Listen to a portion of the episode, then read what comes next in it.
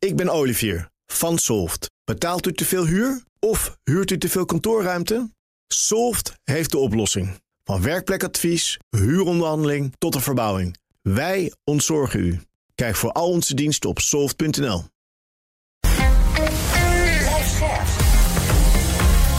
BNR Nieuwsradio.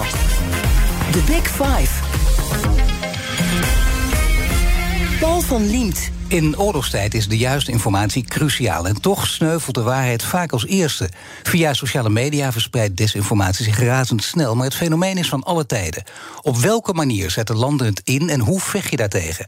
Daarover ga ik in gesprek met vijf kopstukken in BNS Big Five van de informatieoorlog.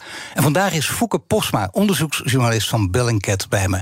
Met een eigen zeg een paar simpele zoekacties op Google weet Fouke Posma, journalist bij Bellingcat, de grootste geheimen aan het licht te brengen. En dat is een belangrijk wapen in deze tijd, waarin er ook een informatieoorlog woekert. Welkom.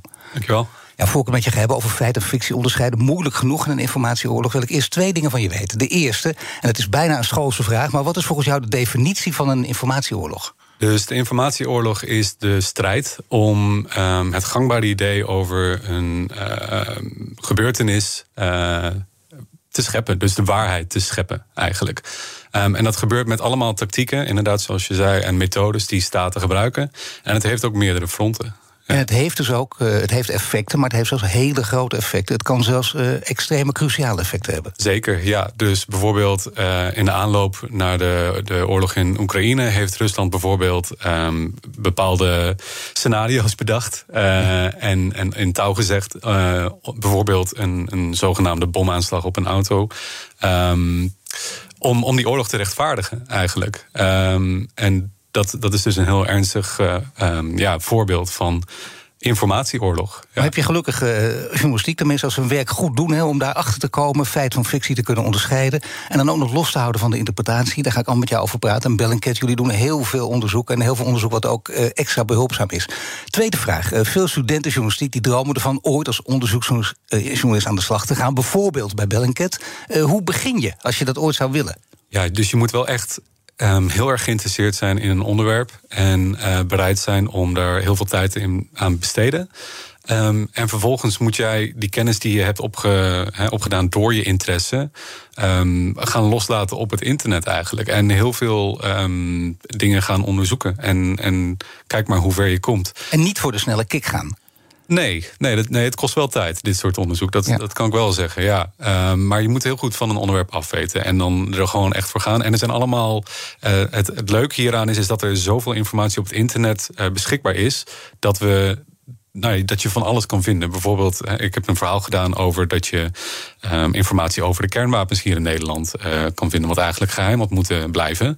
En dat vond ik basically via Facebook en Google. Nou, alle studenten weten hoe ze moeten Facebook en social Zeker. media moeten gebruiken. Ja. Um, maar dat, dat, ja, je moet maar net die ingang vinden. En dat kost een beetje tijd. Ja. Nou ja, het helpt dan wel, want dan is het inderdaad ook groot nieuws. Ja. ja en dat wil je ook. Tegelijk met de pandemie maken we ook een zogenaamde infodemie door de wereld tot overspoeld door nepnieuws. Neemt de hoeveelheid nepnieuws toe? Daar zijn de meningen zeer over verdeeld. En liefst zeg je dan, het neemt hand over hand toe, maar is dat ook zo? Um, voor mij gevoelsmatig uh, denk ik dat we over die piek heen zijn, eerlijk gezegd. Um, ik denk dat we veel beter hebben leren omgaan met hoe we um, verhalen op social media behandelen. Um, en, en dat, ja, dat we daar gewoon veel beter, beter in zijn. Ik zie niet meer zo vaak dat er echt uh, dominante uh, fake news stories overal wordt herhaald, als het ware. Bijvoorbeeld, hè, nu wat we met in deze oorlog in Oekraïne zien. Um, lijken de pogingen voor, van uh, landen om desinformatie te creëren, lijken vooralsnog heel erg te mislukken. Um, er zijn een paar succesverhalen, bijvoorbeeld The Ghost of Kiev, die, die mensen toch wel aardig. Um... Ja, dat is goed om die nog even te ja, vertellen. Ja, ja dat dus, is een heel mooi verhaal. Ja.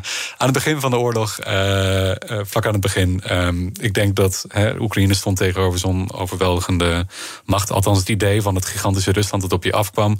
en ik denk dat ze ook heel erg bewust bezig waren met hoe houden we het moraal hoog. Um, nou, de, de, Oekraïense luchtmacht die hield het redelijk uh, lang vol. Doet het nog steeds uh, tegen alle verwachtingen in. Um, en daar, daarbij kwam een verhaal dat er een, ja, een piloot was die. Uh, nou, uh, Russische jachtvliegtuigen bij de bosjes neerhaalde. En die werd dan de Ghost of Kiev genoemd. Nou, dat is natuurlijk een hartstikke inspirerend heldenverhaal. Uh, blijkt niks van te kloppen. En dus een voorbeeld van fake news wat, wat ik best wel vaak heb voorbij zien komen. Um, misschien niet zo schadelijk. Um, maar, dus, maar voor de rest niet heel erg veel echt schadelijke fake news verhalen. En maar wel een mooi voorbeeld, die Ghost of Kiev. Omdat het ook inspirerend dus kan zijn, dan kun je bijna zeggen... dat zou een onderzoekscollectief, bijvoorbeeld Bellingcat... dan niet moeten ontkrachten. Dat zou, niet moeten ontmaskeren zelfs. Dat zou ik weer niet zeggen. Um, maar het staat niet hoog op het prioriteitenlijstje. Omdat, um, weet je, of of die nou wel of niet bestaat, er gebeurt niet heel veel schadelijks. Wat wel schadelijk is, is als er een massamoord wordt gepleegd en er wordt gezegd uh, dat iemand anders het heeft gedaan uh, in plaats van de verantwoordelijke partij. Misschien de Venijnse variant van nepnieuws, de staatsgedreven desinformatie.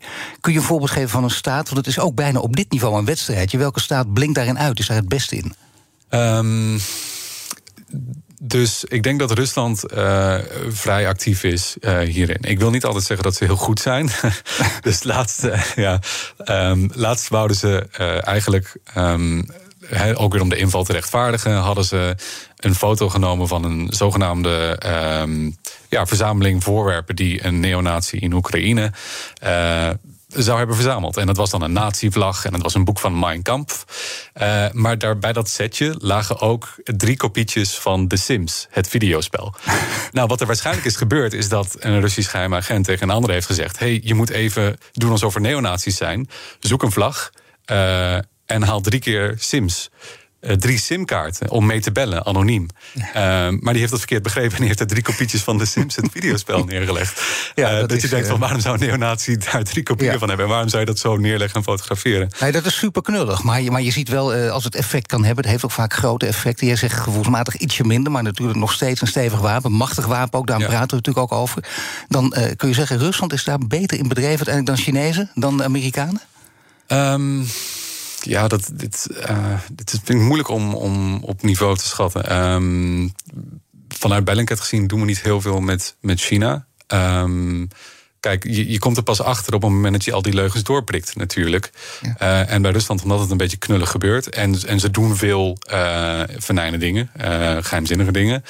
Um, prik je daar ook vaker doorheen. En dus zie je heel vaak Rusland zegt dit, maar doet eigenlijk dat. Je gaf net een voorbeeld van, van echt een knullig staatje. Maar is er ook een, een, een heel knap staatje te geven? Um, van, van Russische van ja. disinfo. Um, niet waar, denk ik, niet echt volledig is uh, doorheen geprikt. Ik denk bijvoorbeeld. Ik had het nieuws van die Russische militair op een brandbom. Die op een brandbom waren gereden. Bleek een scène te zijn gezet en een kapotte auto lijken waren neergelegd. Ja, klopt. Dus uh, niet, uh, dat waren dus um, zogenaamd inderdaad een auto in, in Donetsk. Um, of in, in, in ieder geval in Oost-Oekraïne.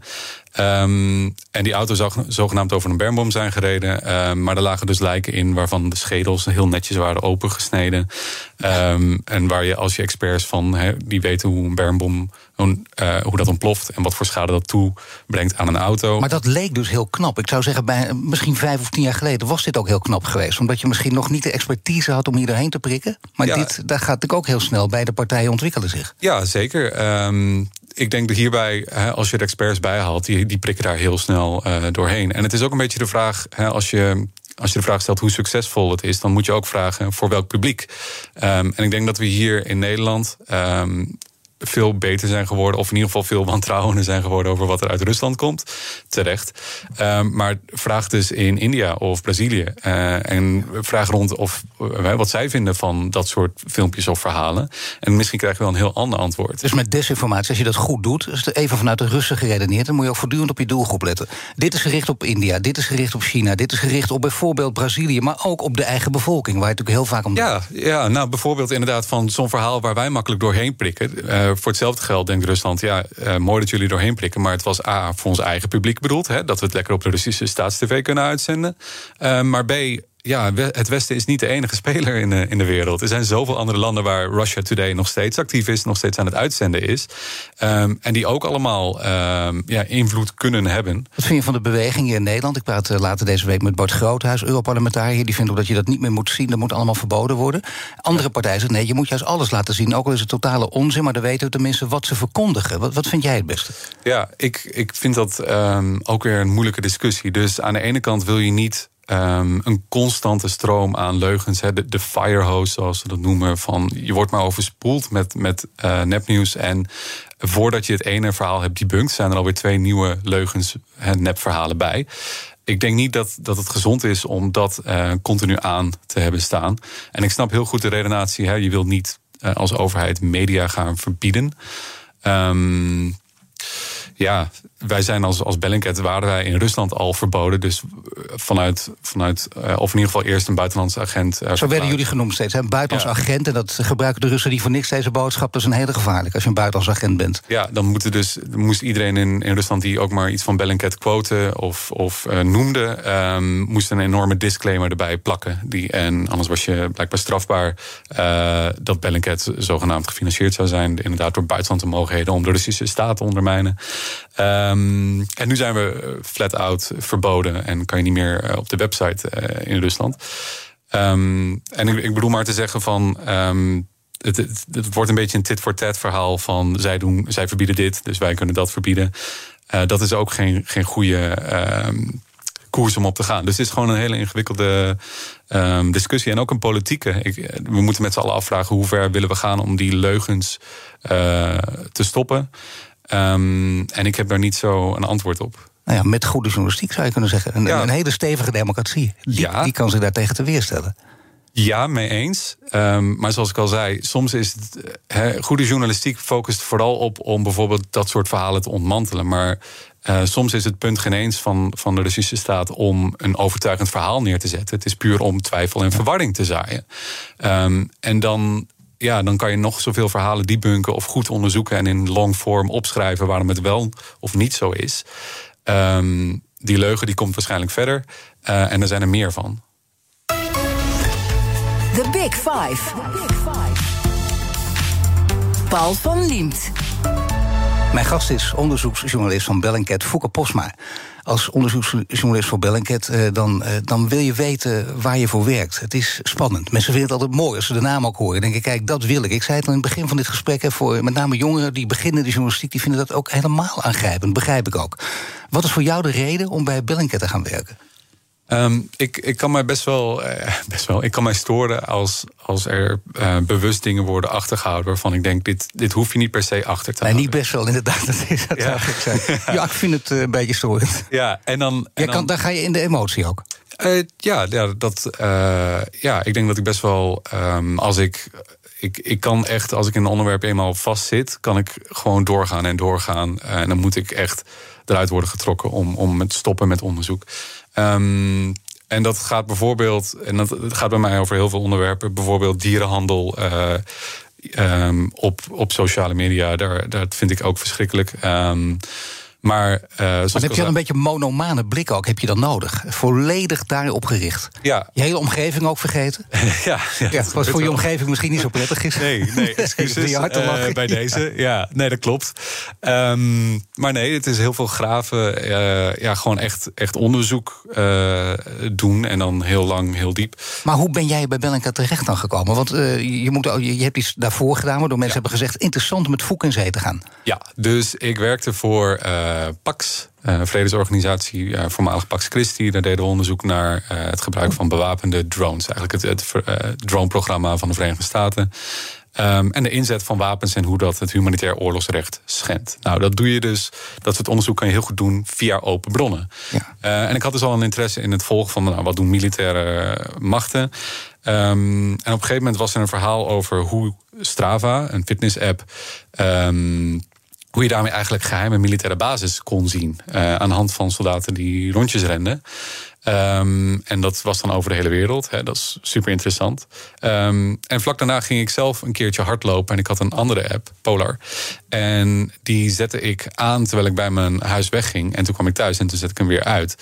En toen dacht ik van, hé, hey, ik weet dat dit deze app heeft ook een platform. Uh, je kan andere gebruikers zien. Als ik kan zien wie allemaal uh, ook hun app aan en uitzet bij hun huis, wie daar hun rondje begint, dan weet ik waar ze wonen. Um, nou, dus ik ging een beetje hè, vroeten door dat platform. En ik kwam ook bij allemaal soldaten. Um, uh, allemaal mensen in functies die eigenlijk geheim uh, moeten blijven. Maar die hadden dus een fitness tracker. Uh, die zet gewoon aan, bijvoorbeeld als ze een rondje deden op een basis in Afghanistan of Mali of weet ik veel wat. Um, en vervolgens ook als ze thuis in Amerika of in Nederland een rondje gingen hardlopen, gebruikten ze diezelfde app, gingen ze ook weer een, nou, het volgen. Maar is dat niet super naïef om dat te doen? Of is het, tenminste, als je het even terugziet in de tijd, vind je het dan ook wel logisch? Dat ze dat gewoon niet in de gaten daar heel argeloos in waren? Um, ja, maar ik kan het ze ook wel vergeven of zo. Ik bedoel, hoe, hoeveel weet jij elke keer als je een app installeert wat je allemaal deelt? Ik weet niks. Maar, nee. ik heb... nee, maar ik bedoel, je zit op deze positie en je denkt: kijk, dit, dit is toch belangrijk. Je moet voortdurend uh, dit soort achterdocht. Op andere gebieden heb je dat weer wel. Heeft een beetje ook met je beroep te maken. En denk ik, nou, hier, hier let je dus heel scherp op. Ja, ja, ja je zou, je, ze zouden er beter op moeten letten. Ik denk dat het inmiddels ook wel gebeurt. Ik bedoel, uh, het ministerie van Defensie heeft uh, uh, fitness tracking apps volgens mij inmiddels verboden. Pentagon ja. heeft dat gedaan. Dus um, dat, die bewustzijn is er nu wel. Maar er zijn zoveel andere mogelijkheden voor dit soort onderzoek. Maar jij ging hier steeds dieper in graven, steeds meer en meer. En toen kwam Bellingcat bij jou of ging jij naar Bellingcat toe? Uh, er kwam een, een, plekje vrij bij Bellingcat. En uh, er was al uh, een soort van connectie tussen Pax en Bellingcat. waar gezamenlijk onderzoek werd gedaan. Um, en ja, toen, toen had ik dat verhaal had ik op Bellingcat ook gepost over die um, fitness apps. En uh, dat liep goed. En toen kwam er een plekje vrij en toen werd ik gevraagd. Ja. En dan iets over jullie werkwijze. Je hebt verteld, hè, je maakt gebruik van, van de, de open bronnen, de zogenaamde OSINT, hè, de Open Source Intelligence. En dat is een, een, bepaalde methode die, die, die we vaak horen, of die je af en toe eens op afstand hoort. Ik heb er nu meer over gelezen, ook de voorbereiding van dit interview, van redacteuren veel uh, mee gesproken hierover. Maar kun jij het even uitleggen voor mensen die denken: oh ja, wat is het ook alweer? Want het is een waanzinnig belangrijke methode om meer te weten te komen. Ja, en heel simpel gezegd is het: als jij een laptop hebt met een internetverbinding, moet jij dit soort onderzoek kunnen doen. Um, dus open bronnen. Uh, het is niet je, je gaat aan de telefoon. Eh, het is niet je trekt iemand aan de mouw in de wandelgangen van uh, een of ander instituut.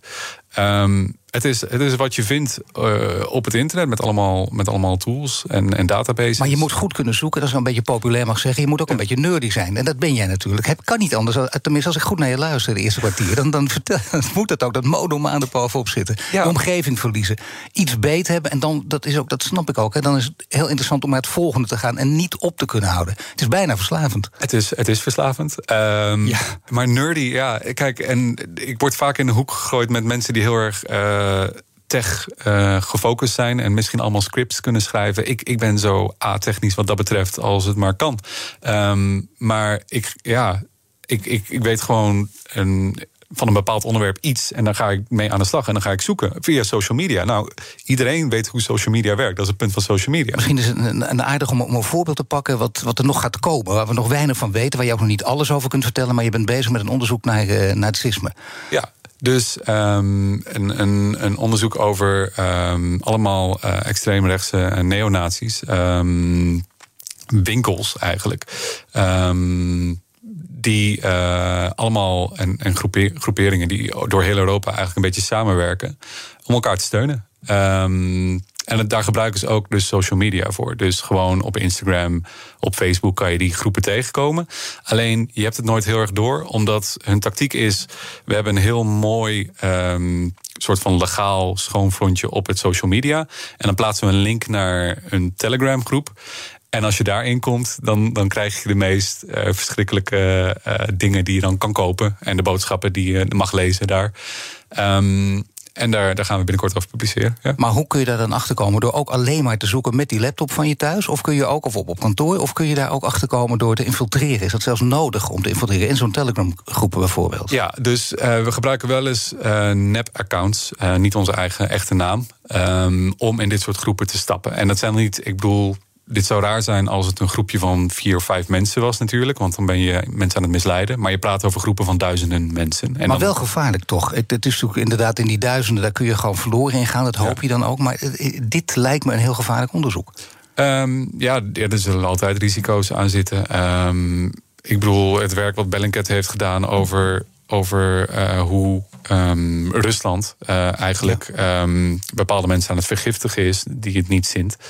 Uh, hè, zoals Navalny. Um, dat het feit dat je daarover publiceert, uh, nodigt al. Uh, je weet ook dat de Russische staat nou, ons als uh, buitenlandse agent heeft verklaard. Nu verboden. We staan op het En er komen alle complottheoretici die worden weer wakker. En die ja. roepen: zie je wel, en ze worden, bepaald door, ze worden betaald door George Soros en wat dan ook. Dat is eigenlijk het bekende riedeltje wat je dan over je heen krijgt. En dan moet je ja. natuurlijk ook tegen kunnen verdedigen. Zeker. Dus je hebt aan de ene kant de staat die niet heel erg zint. En dan heb je nog inderdaad de complothoek, waarin mensen ook denken dat, dat Bellingcat afhankelijk van het onderzoek wat gepubliceerd zijn wij of gefinancierd door de Russen of gefinancierd door de Amerikanen of door de Britten.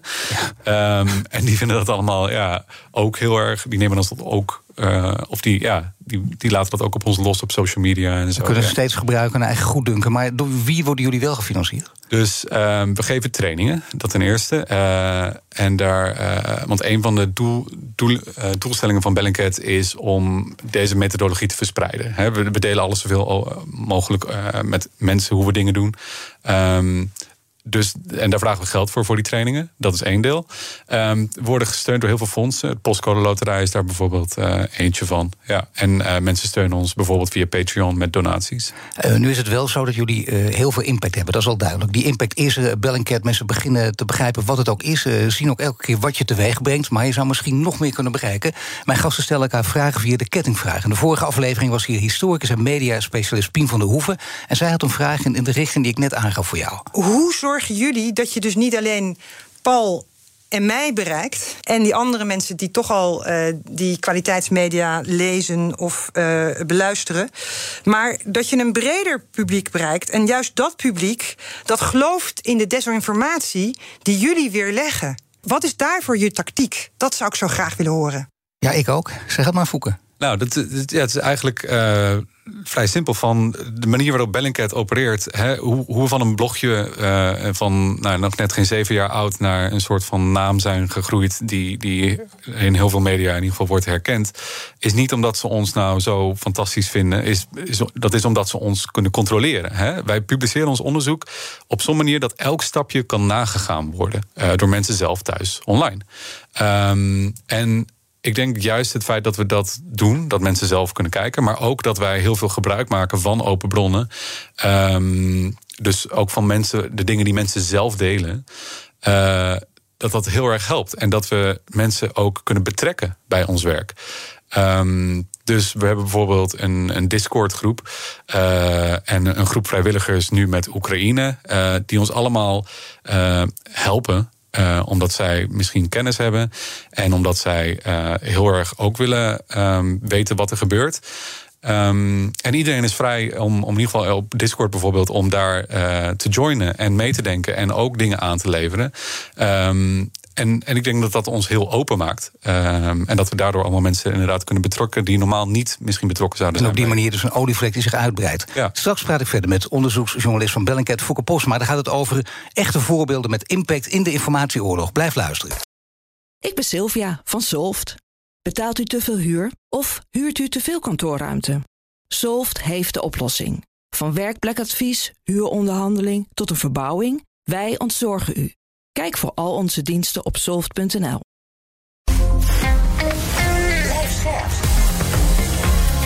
BNR Nieuwsradio. The Big Five. Paul van Liemt. Welkom bij het tweede half uur. Deze week vijf kopstukken uit de wereld van de informatieoorlog. Morgen praat ik nog met universitair hoofddocent militaire strategie Han Bouwmeester over Russische misleidingstechnieken. En trouwens, mijn gast Fouke Bosma die heeft nog een hele leuke vraag zometeen volgens mij, Fouke. Ja, Ja, zeker. zeker. Voor, eh, voor Han Bouwmeester. De gast dus, Fouke Posma is onderzoeksjournalist van Bellingcat. Komende half uur wil ik in ieder geval nog twee onderwerpen met je bespreken. Namelijk de toekomst van de informatieoorlog en de overeenkomsten in de informatieoorlog tussen Syrië, Oekraïne en ook MH17. En om met dat laatste te beginnen. Want uh, je sprak met, met, een, met een redacteur in een voorgesprek. En uh, je zei dat er veel overeenkomsten zijn met de oorlog in Syrië en die in Oekraïne. Als het gaat over het gebruik van, van desinformatie. Kun je daar een voorbeeld van geven? Ja, tuurlijk. Um, en het is eigenlijk gewoon heel erg. Um, het, typische wat je ziet is: um, er gebeurt wat. En uh, de, de eerste reflex van Rusland is om te zeggen: dat waren wij niet, dat waren zij.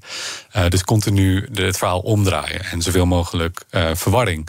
ehm, stichten eigenlijk. Um, en ten tweede, wat we ook heel erg hebben gezien nou in Syrië met het gebruik van chemische wapens. Um, dit, dit speelt ook al een beetje langer, dit stukje disinfo nu in Oekraïne. Waar, waar uit Rusland berichten komen dat er ofwel een bioweapons lab in Oost-Oekraïne zou zijn, of dat Rusland zegt nu van het is, Oekraïne gaat mogelijk chemische wapens gebruiken. Er zijn ook chemische wapens gebruikt in, in Syrië. Daar kwam ook allemaal disinfo over uit Rusland over dat het uh, niet uh, Syrië en Rusland waren, maar uh, de rebellen, als het ware.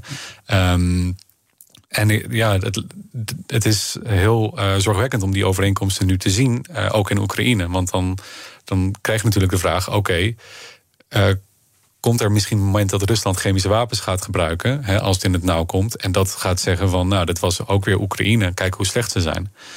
Um, dus dat soort overeenkomsten zie je wel, ja. Ja, daar moet je dus voortdurend rekening mee houden. Dat weten we inmiddels meer. We worden hier ook allemaal met z'n allen veel wijzer van. We weten dat dit soort mogelijkheden in de lucht hangen... maar we weten ook dat het bijna niet te bewijzen is. Er zijn heel veel voorbeelden die ik aan jou wil voorleggen. Maar laat ik er eentje pakken. Bijvoorbeeld uh, Butsja, met, uh, met, met, met alle lijken. De Russen hebben er ook gezegd... kijk eens even, dit is wel of niet in scène gezet. Misschien is het aardig om dat verhaal even te, uh, te vertellen... ter illustratie. Met name hoe jullie zijn achtergekomen... wat dan uiteindelijk de waarheid was. Ja, ja en oké, okay, jullie ja, bij Bellingcat... ik bedoel, we werken natuurlijk met een hele grote community en we zitten continu op Twitter. En Oekraïne heeft op dit moment zoveel aandacht dat uh, er zijn zoveel mensen die hier naar kijken en enthousiastelingen die ook heel goed naar uh, details kijken.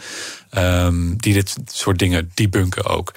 Uh, en bij Bucha was dit ook het geval, um, inderdaad, van uh, er, er er werden beelden opgenomen van Oekraïners die Bucha binnenrijden. En die filmen dat en die zien allemaal lijken op straat liggen. Nou, die filmen dat vanuit hun auto. Eh, schokkend natuurlijk. En die delen dat.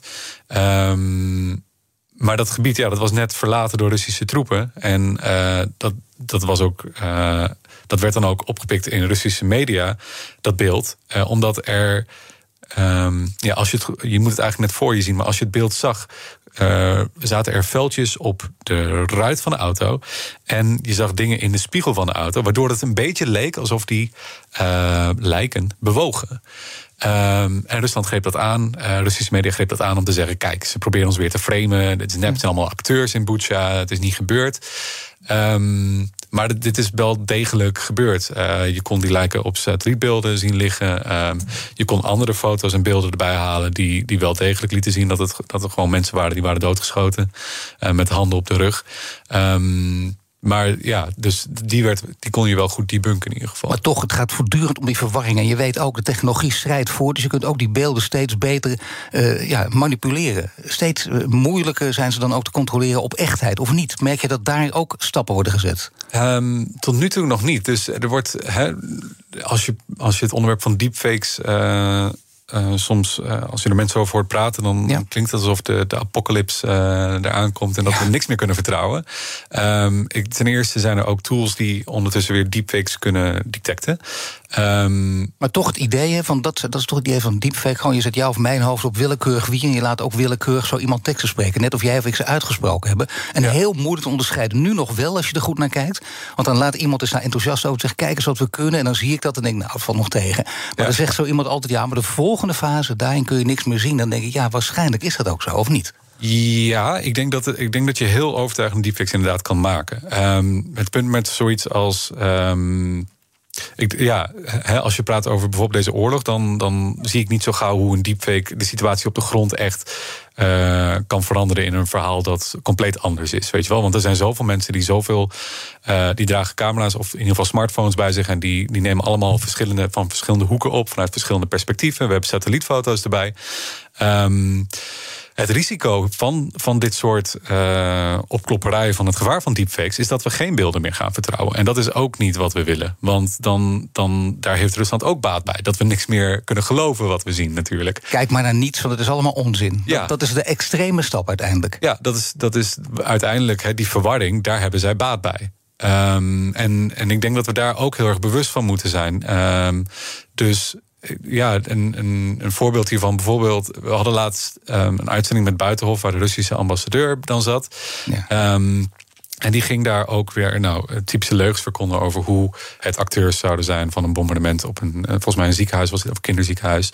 En um, in de eerste instantie, ik keek dat interview en ik de. ehm, eh, hoe de presentatrice daar eh, die ambassadeur ondervroeg. eh, het was redelijk pittig en ze pakte hem goed aan op, op de leugens. Stevig, voortdurend. Stevig, ja. Eh, en, dat, en in mijn journalistieke onderbuik voelt dat goed. Want je weet dat hij aan het liegen is. En je wil dat dat doorprikt wordt. Maar als je dat terugredeneert en ehm, je zit daar. je probeert jezelf in te beelden. Wat als ik hier als neutrale kijker instap in dit eh, fragment. En ik kijk naar dit gesprek. Dan zie ik een ambassadeur die zijn verhaal probeert te houden. En een presentatrice die, ze, die haar, ehm, hem toch redelijk hard onderbreekt. En, en eh, ja, ehm, aanpakt. Ehm, en dat, dat beeld, ja, dat, is natuurlijk, dat wordt natuurlijk weer aangegrepen om te zeggen van... nou kijk, ze willen ons verhaal niet eens laten doen. Ze zijn weer, weet ik veel, Russofobisch of zo. Ze hadden hun oordeel al klaar liggen. Ehm, en dat is het risico wat je krijgt als je weet dat iemand gaat liegen... en je geeft hem alsnog een platform. Maar toch blijft dit een hele lastige. Want als je hem geen platform geeft, dan komen we het eigenlijk ook nooit te weten. Hiermee kun je ook zien, denk je, het is niet waar. Zegt, het is een ambassadeur, die zit ongelooflijk om de hete brein heen te draaien. Ja, ik, nou, ik denk dat hier de oplossing, wat de meest verstandige keuze zou zijn, was eh, om ehm, dat verhaal van die ambassadeur eh, van tevoren uh, pols je een beetje wat hij, wat hij wil vertellen natuurlijk, of wat, wat ze gaan zeggen. En, en dan zeg je van oké, de Russische ambassadeur vindt dit allemaal fake. En die, die, hij had een foto in de uitzending, die zei van kijk, deze foto laat zien dat het fake is.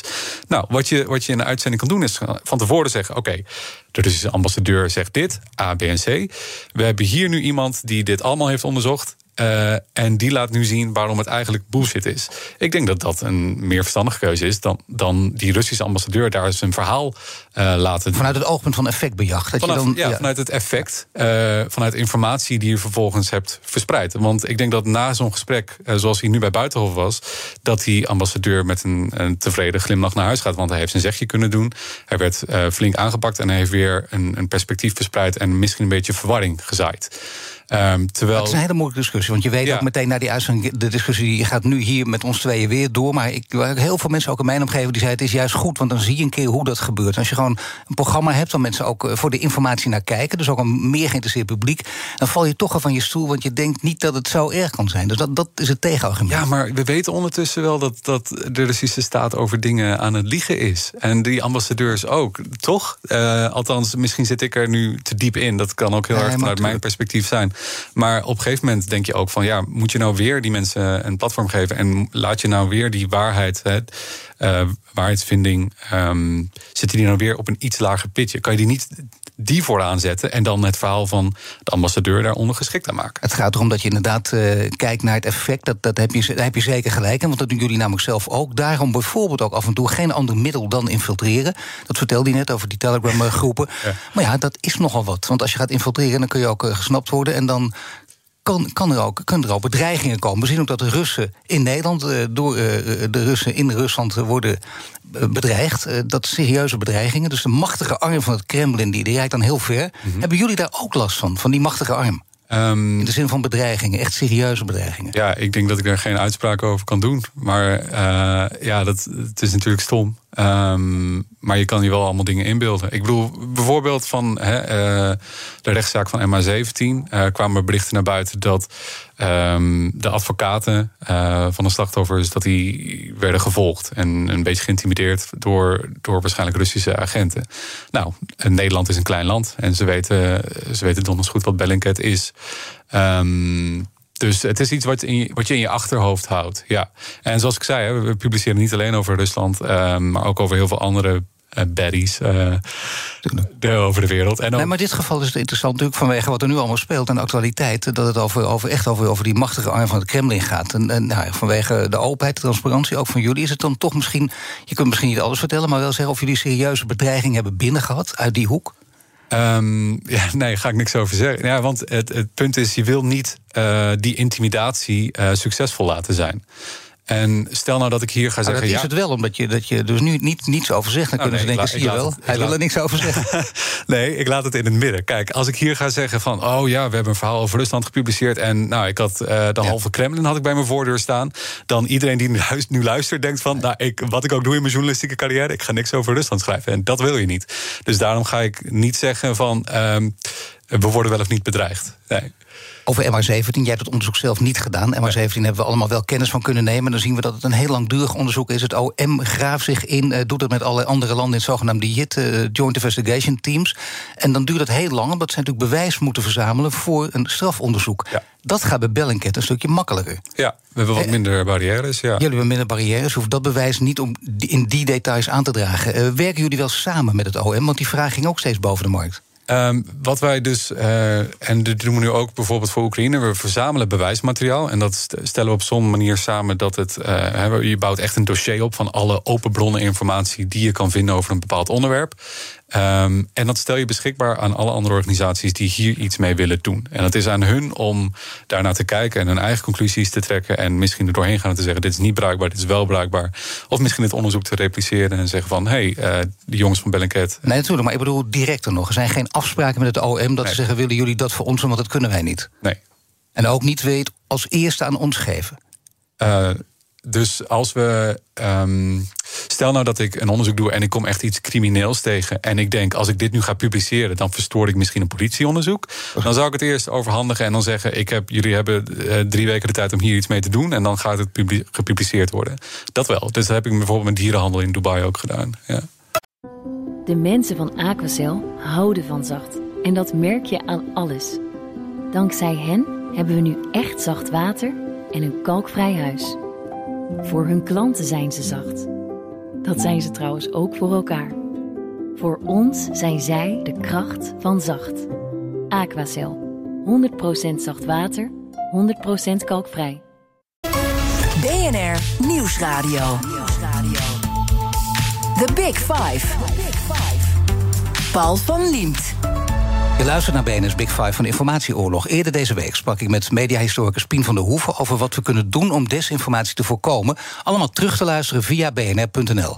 Mijn gast is onderzoeksjournalist van Bellingcat, Fouke Posma. Ja, successen en verliezen van militaire oorlogen... die laten zich makkelijk meten door het aantal doden, gewonden en gebieden... makkelijk tussen aanhalingstekens, uh, die uiteindelijk worden veroverd. Een informatieoorlog laat zich moeilijker meten. Meten is weten, dat credo, dat horen we overal. Radio, tv, online en op congressen. Wanneer is een informatieoorlog volgens jou een succes? Um, als het narratief wat jij zou uh, willen verspreiden, uh, als dat dominant is. Um, in, in media. En dan uh, ligt eraan welke doelgroep je hebt natuurlijk. Um, maar dan, ja. Maar zijn daar voorbeelden van? Ik bedoel, ik ken die voorbeelden eigenlijk vooral uit, uit films. Eh, toen, had je nog, toen heette dat nog heel anders. Heette dat namelijk spindokters die hun werk deden. Ja. En dat was ook een soort informatieoorlog die nog steeds ook gaande is. Bijvoorbeeld de geweldige film Wag the Dog, die heel vaak wordt aangehaald. Dat doe ik nu ook even.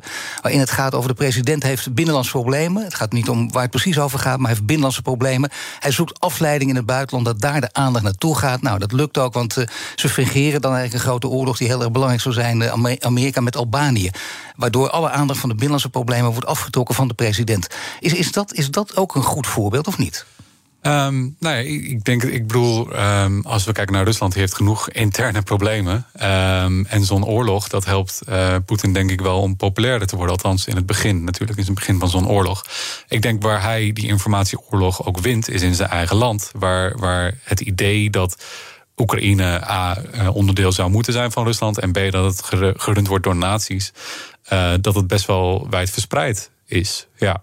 Um, dus op dat front zou je kunnen zeggen dat Rusland aan het winnen is. Ja. Aan de andere kant is het Zelensky zijn verhaal natuurlijk tegenover. Elke dag met, met zijn uh, nou, vermogen, zijn charisma om, om de woorden op, op de juiste manier naar buiten te brengen. Met enorm veel impact zet ik ook een verhaal, een ander beeld er tegenover. Ja, ja, hij, hij, hij wint uh, het narratief van. van en uh, zijn narratief ligt waarschijnlijk ook dichter bij de waarheid. Namelijk, uh, Oekraïne wordt gewoon binnengevallen en er is een poging tot, tot annexeren van grondgebied. Um, en, en we hebben hulp nodig, ja. Wat ik nou zo opvallend vind, het begin van het gesprek, toen zei je, toen we het over informatieoorlog hadden, en als je dan echt ook vooruit kijkt, wat we nu even doen, kijken, hoe belangrijk gaat het worden, zeg je nou, voor mijn gevoel wordt informatie, de informatieoorlog iets minder, ietsje minder sterk bedreven. Aan de andere kant denk ik dan, maar het is ook, er wordt altijd naar geld gekeken, het is goedkoper, dus wellicht is dat wel degelijk ook de oorlog van de toekomst. Ja, nee, ik, ik denk dat het zeker nog wel gevoerd gaat worden. Ik denk alleen dat de capaciteit om, het om die waarheidsvinding uh, te doen, dat die steeds beter wordt. Dus Uh, ik denk, A, we worden allemaal wat volwassener in hoe we uh, verhalen over zo op social media in ieder geval oppikken, volgens mij. En misschien ben ik hier te rooskleurig en te positief in. Heb ik te veel mensen op Twitter geblokt? Dat kan ook. Uh, oh, dat doe je toch ook? Met enige regelmaat. Ik kan me dat voorstellen ook. Ja, ja, op een gegeven moment als iemand niet meer voor de, voor de reden vatbaar is, dan, dan is het een, een stoorzender waar je niks aan hebt, natuurlijk. Um, dus ja, soms heb je ook gewoon trollen, natuurlijk. Ja. ja. nee, um, maar bijvoorbeeld, hè. Um, neem nou satellietbeelden. Tot een, nou, niet heel lang geleden was dat puur het domein van eh, als je een heel rijk land was of een, een sterke militair wezen, dan, dan had je toegang tot satellietbeelden frequent uh, op een gebied waar jij het zou willen hebben. Ja. En we zijn nu op het punt dat Bellingcat als organisatie uh, kan vragen om ergens satellietfoto's op te nemen aan een bedrijf. Uh, die satellietfoto's worden uh, frequenter, hoger in resolutie. Nou, die kan je moeilijk faken, want er zijn andere satellieten die dezelfde soort foto's maken. Um, en dat, dat is gewoon nu uh, onderdeel van journalistiek. Dat jij een satellietfoto erbij pakt en kijkt van... oké, wat gebeurt hier daadwerkelijk op de grond? Wat zien we echt? Um, dat, hè, en dan heb ik nog geen eens over al die andere bronnen van informatie... die uh, steeds maar worden aangemaakt en vervolgens of uh, doelbewust worden gepubliceerd... of gewoon soms lekken en online komen... die ook allemaal een inkijkje geven in, in naar wat voor informatie er allemaal beschikbaar is. Ja. Ja, dus dat betekent dat de informatieoorlog wel degelijk ook verder kan gaan. Maar de tegenkrachten worden ook steeds scherper en beter. Want die satellietfoto's, is wel heel moeilijk om die te gaan faken. Ja, ja er zijn wel pogingen, maar tot nu toe niet heel erg succesvol. Nee. Nu is het ook interessant om te kijken naar emotie. Er wordt heel vaak over informatieoorlog gesproken. En dan kun je geen emotie gebruiken, überhaupt niet. Altijd ratio erbij houden. Voortdurend ook wat dan ook. En kijk maar naar diplomaten. En er worden hele geschiedenissen bijgehaald. En inderdaad, diplomaten die sterk zijn, die, die successen boeken, weten altijd ook. Het gaat altijd over beheersing. Dat is het allerbelangrijkste. Dus geen emotie. Ja. Wat vind jij van de rol van emotie? Um, dus emotie is belangrijk omdat het je heel erg. Um het, het schept je frame waarbinnen jij informatie accepteert. Dus um, het verhaal, uh, zoals we aan het begin zeiden, van The Ghost of Kiev, die, die Oekraïense piloot die allemaal Russische jachtvliegtuigen neerhaalde. Uh, dat komt makkelijker binnen, omdat je het misschien wel wil geloven dat Oekraïne in het begin van die oorlog echt een kans maakt en het gaat winnen. En dat niet zomaar een land geannexeerd wordt in, in deze tijd. Um, dus je moet, je moet heel erg bewust zijn van, van je eigen frames, van je eigen emoties. Wat voel je erbij? Soms heb je ook echt. Um, ja, misschien wel uh, wrok voor een partij, maar daar moet je ook van af. Want je moet altijd, wat je zei, de ratio uh, gaat eerst. Uh, je moet toch objectief proberen te blijven, ondanks dat je weet dat emotie ook een rol speelt. Dus niet voortdurend zeggen in elk bericht uh, die schoft Poetin. Dat, dat, weten we wel. Dat, dat heeft u geen zin om dat te zeggen. Dat, dat moet je ook niet doen, zoals hij het andersom ook niet doet. We gaan er wel steeds van uit, en dat merk je wel bij elke oorlog, bij elk groot conflict. Beide partijen zijn rationeel, gaan uit van dezelfde manier van rationeel denken. En daar ging gelukkig, wat mij betreft, ook de discussie meteen over toen de oorlog uitbrak, 24 februari. Dat weten we niet meer precies. Is het wel dezelfde rationele logica die Poetin hanteert als wij hanteren? Ja. Is dat voor Bellingcat ook belangrijk? Want jullie je richt je natuurlijk op de feiten, maar uiteindelijk gaat het ook om de interpretatie van die feiten. Ja, um, klopt. Uh, ik denk alleen uh, als het echt om dit soort dingen gaat, dus bijvoorbeeld waar, waar baseert Poetin zijn beslissingen op? Uh, dat is denk ik niet meer iets wat je in open bronnen. Dan moet je echt zeg maar een soort van psychologische analyse bijna loslaten op Poetin en, en hoe hij door het leven is gegaan en wat voor ervaringen hij nu weer heeft. En je kunt een aantal beslissingen op een rij zetten, kijken of je patronen herkent natuurlijk, of je ja. veel andersoortige patronen herkent. Ja, je zou misschien via gelekte data kunnen, inderdaad kunnen kijken of hij ergens belangen heeft. Of dat, er, dat hij misschien ontmoet met bepaalde mensen die weer bepaalde ideeën erop nahouden. Waarvan hij, waarvan hij inspiratie krijgt of zo. Uh, maar waarop hij echt die beslissing uh, baseert, is natuurlijk, ja, dat blijft een beetje gokken. Dan gaat het ook heel veel over cijfers, want daarmee kun je elkaar in de oren slaan. Dat doen Rusland en Oekraïne ook voortdurend natuurlijk. Kijken, zoveel doden aan de ene kant, zoveel doden aan de andere kant. Hoe ver hebben jullie daar zicht op? En in wie, wie wel of niet in de buurt komt van het aantal, van het juiste aantal? Ja, um, dus uh, Rusland downplayt dit heel erg, uh, de aantallen van verliezen. En dit, dit is dus wel iets waar open bronnen heel erg nuttig bij zijn. Dus um, om maar een voorbeeld te noemen. Um, er is een, een, blog eigenlijk, Oryx.